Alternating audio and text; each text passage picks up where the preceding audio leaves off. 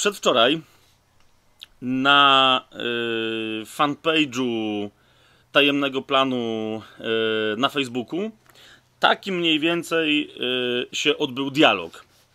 Mówię mniej więcej dlatego, że, że tych, którzy ten dialog prowadzili, nie chcę z imienia i z nazwiska wymieniać. Ale ktoś napisał na stronie tajemnego planu: Witam. Oglądałem pański wykład na temat Biblii. Bardzo ciekawy. Mam pytanie. Czy wierzy pan, że Ziemia jest płaska? Pozdrawiam. Mnie tam y, z drugiej strony nie było, więc ktoś w imieniu tajemnego planu y, odpowiedział, nie bardzo wiedząc o co chodzi. Fabiana nie ma tu osobiście. Czy to jakiś żart z tą płaską ziemią? Na co później znowu ten ktoś y, odpowiedział: Skoro pan Fabian wierzy w Boga, to powinien wierzyć w płaską ziemię. Na co znowu ktoś z administratorów tajemnego planu na to odpowiedział: Czy pan sobie żartuje? Fabian na pewno nie wierzy w płaską ziemię, ani nikt z nas. Pozdrawiamy. No i wtedy od y, tego interlokutora y, przyszła nieco dłuższa wiadomość, którą y, znów zacytuję dokładnie. Mianowicie w odpowiedzi y, tutaj ten pan napisał: To jest zadziwiające, że ludzie, którzy uznają nieomylność Biblii, odrzucają płaską, przykrytą kopułą, nieruchomą ziemię. Przecież w piśmie mamy dziesiątki wersetów na ten temat. W Holandii trwa właśnie konferencja płaskoziemców. Rozumiem, że płaskoziemcy to są właśnie ludzie, którzy uważają, że Ziemia jest płaska. Dowodów na płaską Ziemię jest mnóstwo. Ziemia kula to największe zwiedzenie w historii ludzkości. Pozdrawiam i dziękuję Wam za wspaniałą robotę. Taki się odbył dialog.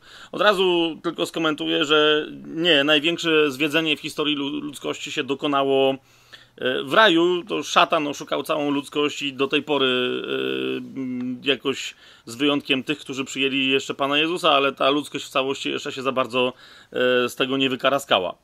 Natomiast dlaczego przywołuję to, bo absolutnie nie chcę być na, naprawdę w najmniejszym sensie tutaj ironiczny czy sarkastyczny, tylko przywołuję całą tą rozmowę. Po pierwsze, żeby zaznaczyć, e, że rzeczywiście istnieje taki trend, e, nie wiem, czy to jest moda, czy jakkolwiek to nazwać, ale że coraz więcej ludzi interesuje się tym, czy Ziemia jest płaska. I z tych ludzi, niezależnie od tego, czy są wierzący, czy nie, masa ludzi twierdzi, że ci, którzy są wierzący biblijnie, powinni ich popierać, ponieważ, jak twierdzą ci ym, płaskoziemcy, Biblia uważa, że Ziemia jest płaska. Teraz, wobec takiego faktu, że ktoś chrześcijanom wmawia, że coś, w coś powinni wierzyć, czy nie, jeszcze bym nie zareagował. Natomiast, no jednocześnie wraz z tą rozmową, która była dosyć symptomatyczna, e, równocześnie dostaję masę pytań od ludzi wierzących i to wierzących biblijnie, którzy najprościej rzecz ujmując wychodzą z takiego punktu e, widzenia. Mówią, posłuchaj, wierzymy w to, co mówi Biblia, przyjmujemy biblijny światopogląd, i jeżeli ten biblijny światopogląd oznacza, że jesteśmy antyestablishmentowi, gdy chodzi na przykład o ewolucję, bo Biblia mówi o, o tym, że, że doszło do kreacji, że Ziemia jest młoda, ma parę tysięcy lat, skoro więc, mówiąc, bo to nie jest nasz dzisiejszy temat, skoro więc jesteśmy antyewolucyjni, to czemu nie mielibyśmy innego jakiegoś mainstreamowego, głównonurtowego przekonania nie podważyć, na przykład, że Ziemia jest kulą? Czemu nie moglibyśmy uznać, że Ziemia jest płaska? Zwłaszcza, że i tutaj właśnie ci, którzy, zarówno ci niewierzący w Biblię, ale posługujący się nią płaskoziemcy, posługują się paroma cytatami, y, czy nawet parunastoma, to, to nie jest prawda, że są dziesiątki yy, przykładów takich cytatów w Biblii. Y, I zaraz się do nich odwołam. Zwłaszcza, że ci, którzy wierzą na sposób biblijny, jednocześnie też mówią, że hej, no przecież mamy to napisane w Biblii dwie zasadniczo tezy y, ci wszyscy ludzie, o które, którzy o to pytają, y, posiadają. Jedna z nich pochodzi między innymi y, z fragmentu objawienia Janowego, które też bywa nazywane apokalipsą. Według świętego Jana to jest Apokalipsa, siódmy rozdział, pierwszy werset, gdzie jest powiedziana następująca rzecz. Potem widziałem czterech aniołów, stojących na czterech krańcach ziemi, powstrzymujących cztery wiatry ziemi, aby nie wiał wiatr na ziemię, ani na morze, ani na żadne drzewo. I teraz oni mówią, no, że to, tu, my tu mamy tłumaczenie w Biblii Warszawskiej, że to są krańce, ale że oryginalnie po grecku tam jest mowa o rogach albo o kątach ziemi. W związku z tym, no łatwo sobie wyobrazić, oni mówią, że i, i że w wielu innych miejscach jest mowa w Biblii y, rzeczywiście o tych czterech rogach, czy też krańcach yy, ziemi to jest dla nas bardzo istotne, czy to są krańce, czy to są rogi, ale, ale niechby, czy to są kąty. Ale w każdym razie oni mówią, no skoro są cztery i oni stoją tam w tych czterech kątach, to znaczy, że Ziemia, gdyby na nią spojrzeć z góry, wygląda tak. Ma cztery kąty, tak? Yy, I w związku z tym, no najprawdopodobniej jest płaska. Drugi argument, y, który tutaj się y, pojawia, to jest argument y, między innymi który, z fragmentu proroka Izajasza. To jest 40 rozdział, 21 werset i następne. I druga taka teza, która się właśnie pojawia, czy to w przekonaniach niektórych, czy też w pytaniach, to jest, że przecież Biblia mówi e, o tym, że Ziemia jest płaska, między innymi w księdze Izajasza, to jest 40 rozdział, wersety 21, 22 i ja bym do tego dodał jeszcze 28 dla już całkowitej pewności. Jest powiedziane w ten sposób, czy nie wiecie, czy nie słyszeliście, czy wam tego nie opowiadano od początku, czy nie pojmujecie tego dzieła stworzenia Ziemi, siedzi w domyśle Bóg nad okręgiem Ziemi, a jej mieszkańcy są jak szarańcze. Rozpostarł niebo jak zasłonę i rozciąga je jak namiot mieszkalny. To jest ten 22 werset, a więc jest mowa o okręgu e, ziemi, nad którym siedzi Bóg. I w 28 wersecie jeszcze Izajasz dodaje: Czy nie wiesz, czy nie słyszałeś? Bogiem wiecznym jest Pan, stwórcą krańców ziemi. On się nie męczy i nie ustaje, niezgłębiona jest jego mądrość. I te krańce ziemi tutaj przez niektórych są tłumaczone, że ziemia yy, jest rozciągnięta jak płaski okrąg, a te krańce ziemi to nic innego jak tylko krawędzie, które kończą yy, ten okrąg, tak jak yy, masz krawędzie pizzy na przykład, tak? A więc, że ziemia jest płaskim okręgiem i ma krawędzie.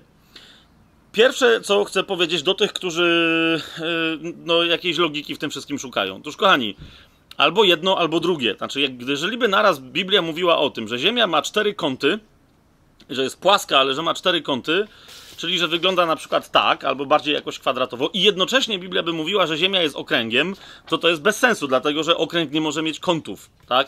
Więc już chociażby z samego tego powodu yy, twierdzenie, że Biblia mówi naraz jedno, jedno i potem jeszcze drugie jest y, dosyć mm, y, paradoksalne. Ale, no więc mówię, to, to już samo w sobie to twierdzenie jest nielogiczne, ale przyjrzyjmy się, cóż to są za te kąty y, Ziemi i co się dzieje z tym okręgiem. Wróćmy do objawienia Janowego. jeszcze raz przeczytam w siódmym rozdziale, w pierwszym wersecie jest tam powiedziane: Potem widziałem czterech aniołów stojących na czterech krańcach ziemi jeszcze raz, niektórzy tu mówią na czterech kątach Ziemi albo w czterech rogach Ziemi. Jeżeli y, chcemy wiedzieć, co ma na myśli, kiedy się posługuje takim stwierdzeniem, jaką ma wizję e, ten, kto się nim posługuje, to należy sprawdzić, w jakim innym miejscu takim samym sformułowaniem się posługuje i co wtedy ma na myśli, bo prawdopodobnie ma na myśli to samo.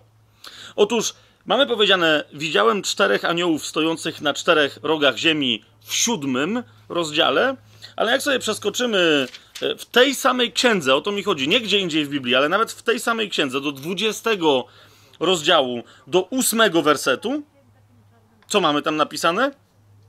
I wyjdzie, e, tam jest mowa o tym, kiedy się dopełni e, tysiąc lat trwania, pierwsze tysiąc lat trwania królestwa i zostanie jeszcze na krótką chwilę wypuszczony szatan, żeby zwodzić ludzi. I wtedy co jest powiedziane? I wyjdzie żeby zwieść narody, które są na czterech krańcach ziemi. Goga i Magoga i zgromadzić je do boju, a liczba ich jak piasek morski.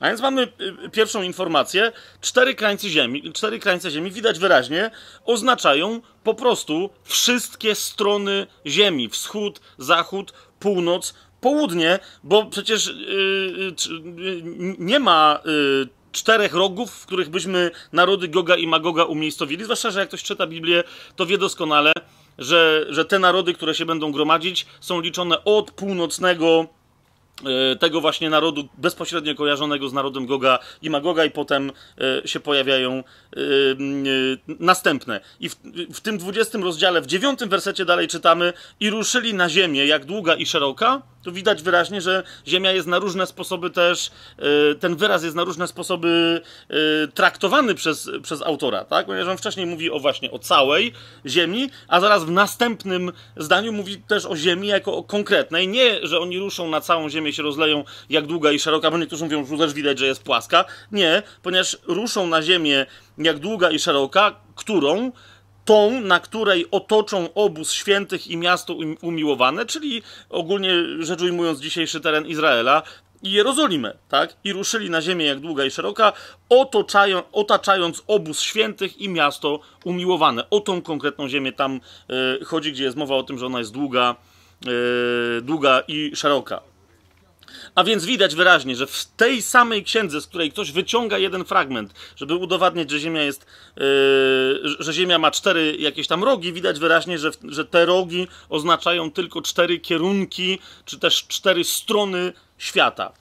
No ale niektórzy mówią, nie, dobrze, dobrze, to, to trzeba by było bezpośrednio udowodnić. Oczywiście, że sobie to bezpośrednio udowodnimy. Otóż Jan, który pisze yy, objawienie, odwołuje się do koncepcji czterech rogów, tudzież czterech kątów, tudzież czterech yy, narożników wręcz świata, jako Żyd w związku z tym odwołuje się do wszystkich tych fragmentów w Starym Przymierzu, w tak zwanym Starym Testamencie, gdzie y, te cztery narożniki się pojawiają. Między innymi pojawiają się y, u proroka Jeremiasza w 49 E, rozdziale i tam sobie szybko sięgniemy. E, między innymi w wielu innych miejscach też, ale sięgam do 49 rozdziału, gdyż e, w tym widać bardzo wyraźnie, w jakim rozumieniu Żydzi za każdym razem, kiedy mówili o czterech rogach, czy narożnikach, czy kątach świata, co mieli na myśli. Posłuchajcie, to jest Jeremiasz 49 rozdział, 36 werset. Tak mówi Pan zastępów. Sprowadzę na Elam cztery wiatry z czterech krańców nieba to jest dokładnie ta sama wizja o tym, że stoją w, w, czterech krańcach nieba, czy w czterech narożnikach aniołowie, którzy wstrzymują wiatry, tak? I Pan mówi tak, sprowadzę na Elam cztery wiatry z czterech krańców nieba, i mamy drugą część zdania, i rozproszę ich na wszystkie te cztery wiatry, i nie będzie narodu, do którego by nie przyszli rozproszeni z Elamu. Krótko mówiąc, z czterech stron świata nadciągnie yy, wiatr, nadciągnie pożoga, nadciągnie przekleństwo i na te cztery strony świata, na te cztery wiatry, jak się jeszcze do dzisiaj w wielu wioskach pod Krakowem mówi, na te cztery wiatry was rozpędzę. Bardzo jasno jest to powiedziane. Tak samo yy, w księdze Daniela tam widać wyraźnie E, że po prostu zamiennie ze stronami świata prorocy e, te cztery, o tych czterech, tak jak my mówimy dzisiaj o róży wiatrów, tak, e, w kompasie, też widzicie, że tam są cztery takie jakby rogi w cztery strony świata skierowane. W Księdze Daniela w ósmym rozdziale w wersecie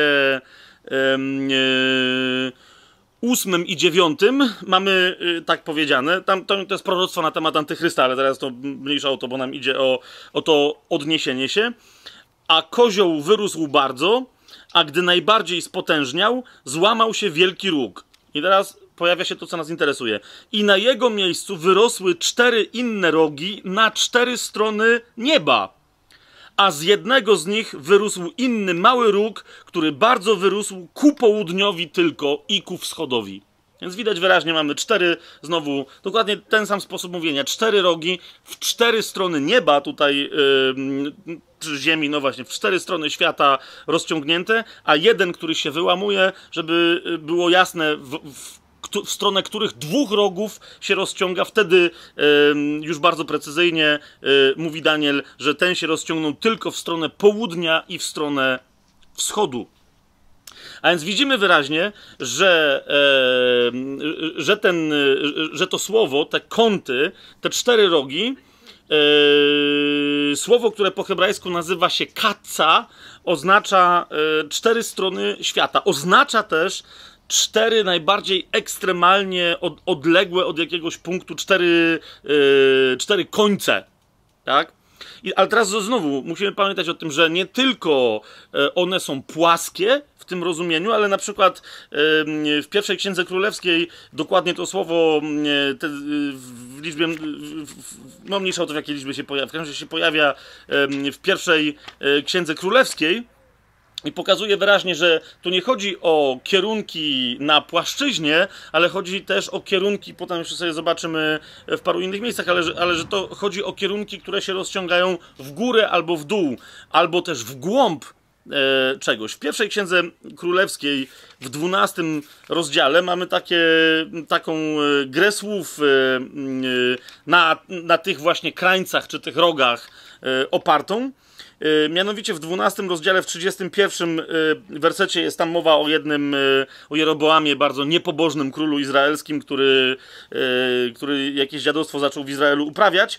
Jest o nim powiedziane, to jest pierwsza królewska, 12 rozdział, 31 werset. Pobudował też świątynki, w sensie pogańskie, na wyżynach i ustanowił kapłanami pierwszych lepszych z ludu, którzy nie należeli do domu Lewiego. Takie mamy tłumaczenie na wyżynach albo na wzgórzach. Takie mamy tłumaczenie w księdze, y, w Biblii Warszawskiej.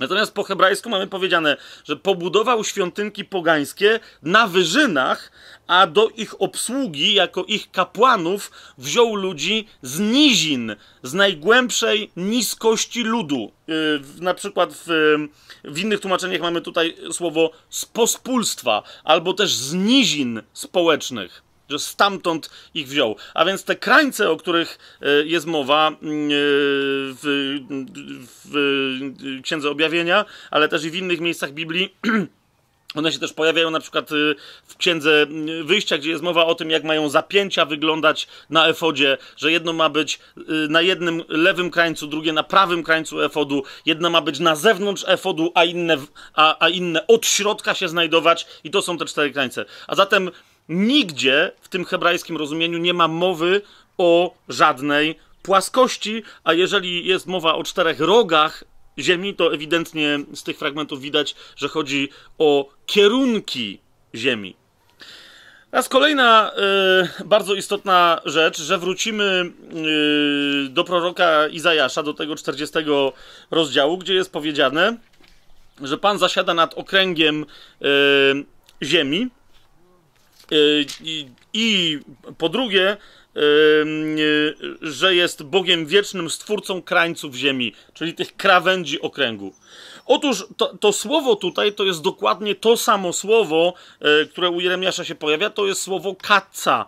A zatem te, jak widzicie, te rogi ziemi, one, one oznaczają po prostu ekstrema, najdalej od siebie oddalone punkty czegoś i one równie dobrze mogą się znajdować na przykład na sferze. Powiedzielibyśmy, że sfera to są kaca kuli, ponieważ kula w środku ma różne punkty, ale najbardziej od środka oddalone yy, miejsca czy punkty, czyli sfera kuli, to jest, to są właśnie kaca, to są właśnie krańce Ziemi. Natomiast no niektórzy mówią, no nie, no dobrze, dobrze, dobrze, ale to, dobra, to załóżmy, że to nie, że, że Ziemia nie jest płaska i kwadratowa, ale jest płaska i okrągła, jak pizza. Bo przecież jest powiedziane u Izajasza 40 rozdział 22 werset, że Bóg siedzi nad okręgiem ziemi a jej mieszkańcy tejże ziemi są jak szarańcze. I rozpostarł niebo Bóg nad yy, tym okręgiem yy, ziemi jak namiot mieszkalny. I to, to jest właśnie to, co ten e, pan, który do nas pisał, mówi, że no, to jest to, że Ziemia jest nieruchoma, jest płaska, a y, nad Ziemią znajduje się kopuła y, nieba.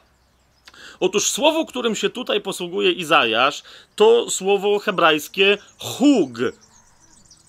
I teraz rzeczywiście w pewnych okolicznościach można je przetłumaczyć po hebrajsku, w innych y, y, pismach pozabiblijnych to widzimy, jako okrąg, na przykład narysowany y, od cyrkla. Ale nasze pytanie brzmi, nie w jakich dowolnych kontekstach się możemy posługiwać słowem hug, tylko w jaki sposób posługuje się tym słowem Biblia, w jaki sposób posługuje się nim tym słowem Słowo Boże. Otóż inne miejsce, w którym znajdujemy yy, słowo hug, E, to na przykład przypowieści Salomona. Tak, to jest, y, to jest ósmy rozdział przepowieści Salomona, 27 werset. I posłuchajcie tego. Y, tu jest powiedziane, to mądrość się wypowiada, że towarzyszyła Bogu, kiedy stwarzał całą ziemię. I ta mądrość mówi tak: Gdy on budował niebiosa, byłam tam. Gdy odmierzał krąg nad powierzchnią, krąg niebios nad powierzchnią toni. I tu też mamy tłumaczenie, że to jest krąg. Ale teraz widzimy z tego wyraźnie, e, że i u Izajasza, i tutaj chodziło o kopułę. W Księdze Przysłów to jest oczywiste, że chodzi o kopułę niebios, bo słowo hug może oznaczać kulę, może oznaczać sferę, może oznaczać pół kuli, czyli tyle, ile się widzi z pewnego e, kąta, kiedy się patrzy na kulę i zwykle słowo huk jest wykorzystywane w kontekście kuli, półkuli, sfery, a nie w kontekście okręgu. Okay? Więc jeszcze raz, w przypowieściach Salomona, 8 rozdział 27 werset, należałoby to w ten sposób przetłumaczyć, żeby było prawidłowo. Gdy budował niebiosa, byłam tam, gdy tworzył kopułę niebios nad powierzchnią toni, byłam przy nim. Ok? A zatem, jeżeli wiemy, że ten wyraz tłumaczymy jako kopuła, to teraz dokładnie, yy, dokładnie w ten sposób to brzmi, to brzmi. Bóg siedzi nad kopułą ziemi.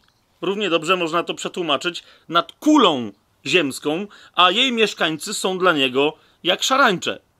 No równie dobrze można to w ten sposób yy, wytłumaczyć. W księdze yy, Hioba, jak sobie do niej sięgniemy, bo ona tutaj, księga Hioba jest tak zupełnie, nawiasem mówiąc, jest, yy, powinna być bardzo interesująca dla wielu ludzi, którzy się rozmaitymi naukami zajmują, czy to kosmologią, fizyką, czy na przykład, nie wiem, paleontologią, bo między innymi w księdze Hioba mamy opisane E, dinozaury, ale o tym, e, o tym innym razem. Więc e, mamy w u Hioba w 22 rozdziale 14 werset, w którym jest powiedziane, tam ktoś zarzuca, czy Bóg wie to, co ludzie robią na ziemi. Dlaczego?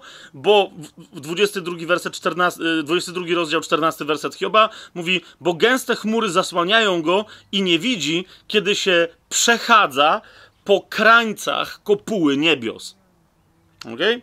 W Biblii Warszawskiej mamy, gdy się, mamy tłumaczenie, gdy się przechadza na skraju niebios, ale tu mamy dokładnie ten sam wyraz. Tutaj się pojawia słowo hug, a więc, że się, że się właśnie, kiedy się przechadza po tej kopule ponad chmurami, tak? A więc, yy, a więc widać wyraźnie, że tutaj jest dokładnie to samo słowo, które absolutnie nie oznacza yy, żadnej płaskości, która się znajduje yy, nad chmurami.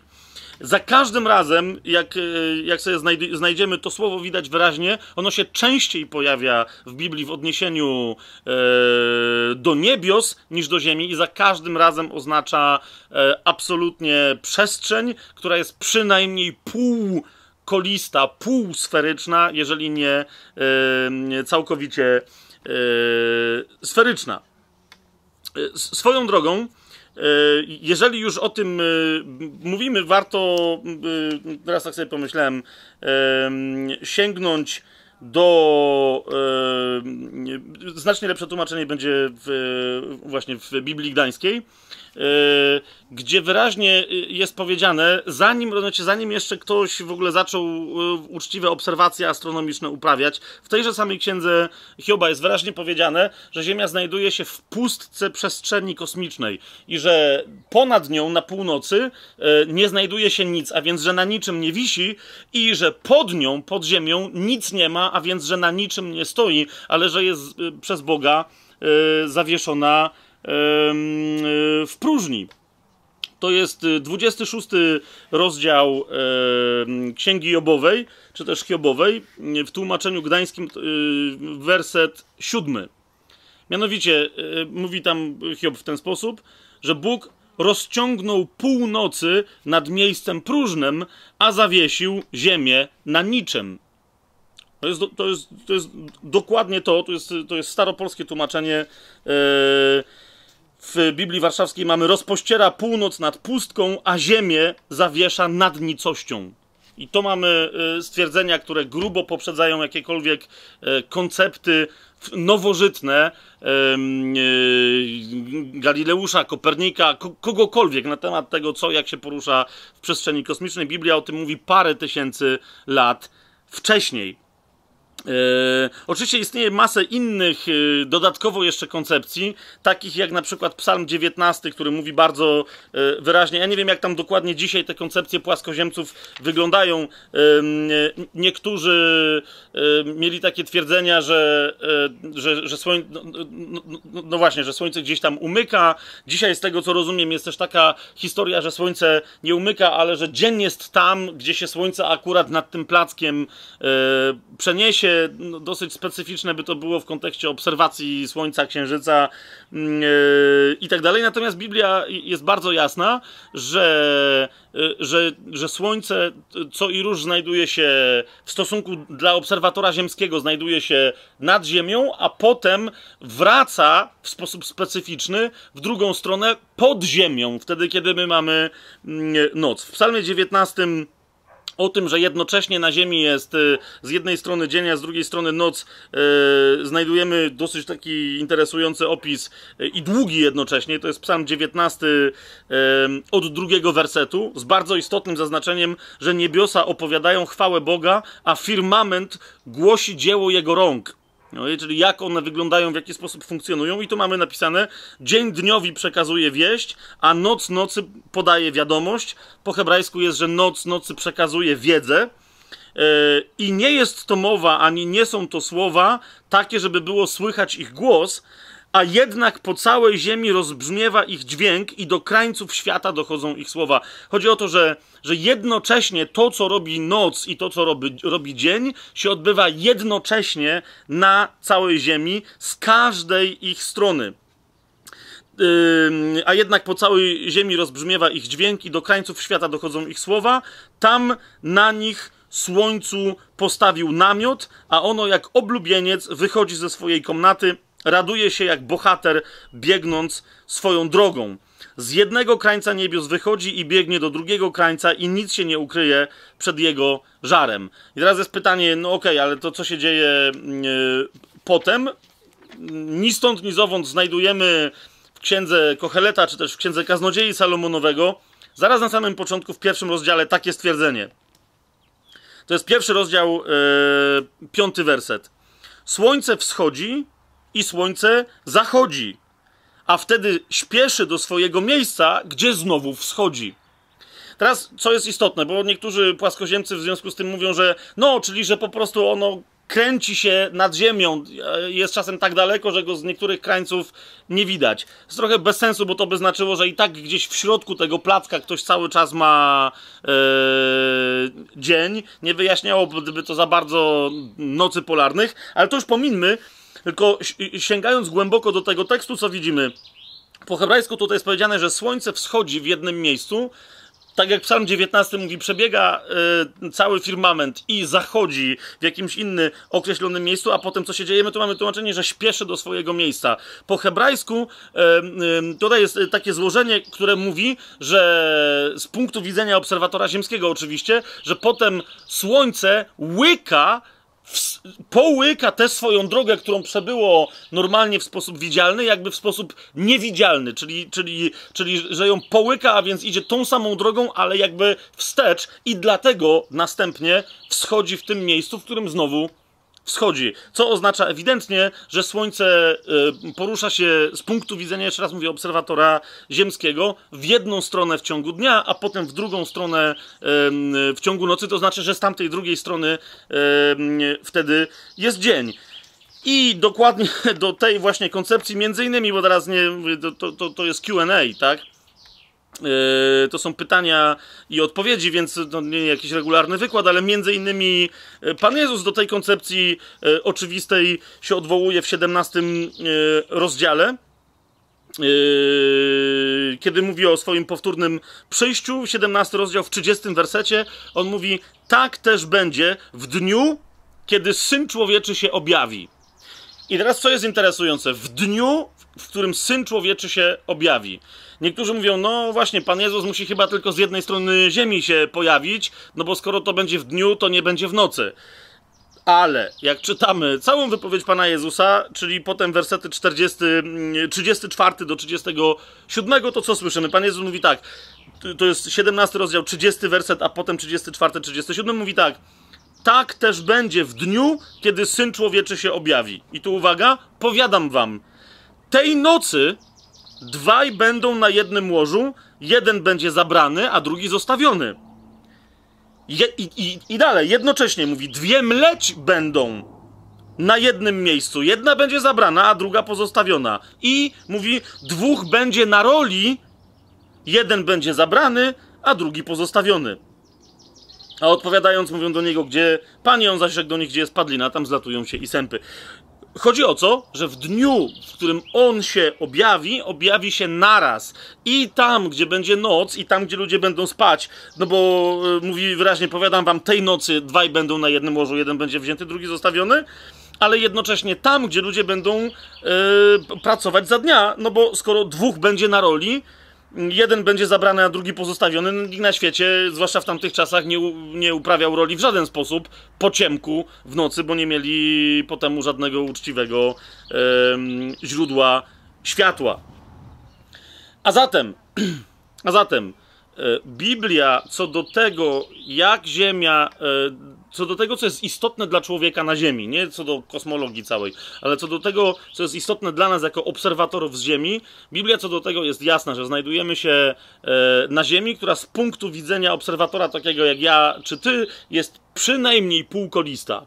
Ale ponieważ różne rzeczy się dzieją z różnych jej stron. Dosyć jasno można spokojnie przetłumaczyć te fragmenty, gdzie niektórzy mówią poetycko o okręgu Ziemi. Znacznie bardziej uprawnione jest tłumaczenie że to jest nie okrąg Ziemi, ale że to jest kula ziemska. Znacznie bardziej to było, to jest uprawnione dzisiaj, znacznie bardziej to było uprawnione dawno temu.